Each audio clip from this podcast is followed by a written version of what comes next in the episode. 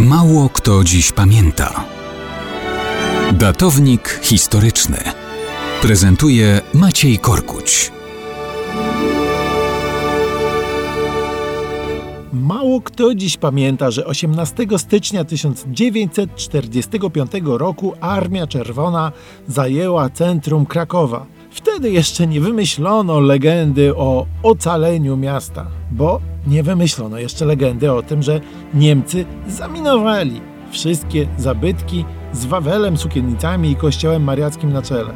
Dopiero kilka tygodni po 18 stycznia zaczęto wymyślać historię o nadzwyczajnych przygotowaniach Niemców do zniszczenia zabytków i historię o nadzwyczajnych działaniach Sowietów dla uratowania Krakowa. Koniew, który skorzystał z okazji, żeby zająć miasto, kiedy okazało się, że Niemcy nie zamierzają go bronić, przez następne dekady będzie przedstawiany jako szczególny miłośnik zabytków Krakowa. Opowiadano bajki, że to tylko dlatego przy zajmowaniu miasta zakazał użycia artylerii i lotnictwa. Propagandowemu bajkopisarstwu nie przeszkadzało przy tym, że ostrzał artyleryjski był rutynowy, podobnie jak dokonywane przez sowiecką drugą armię lotniczą bombardowania.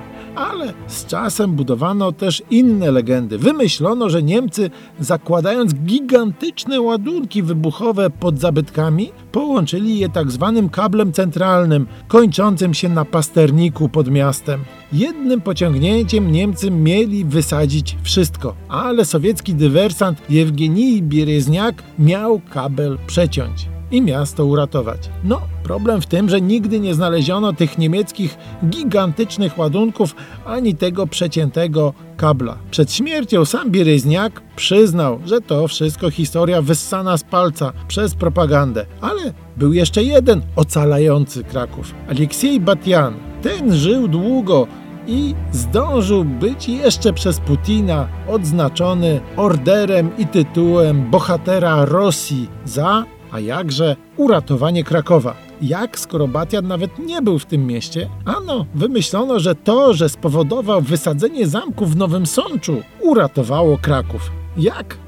Nieważne. Podobnie jak to, że te historie o Koniewie, Biereźniaku i Batianie jakoś się wzajemnie wykluczają, ale dla Moskwy to w ogóle nie jest problemem.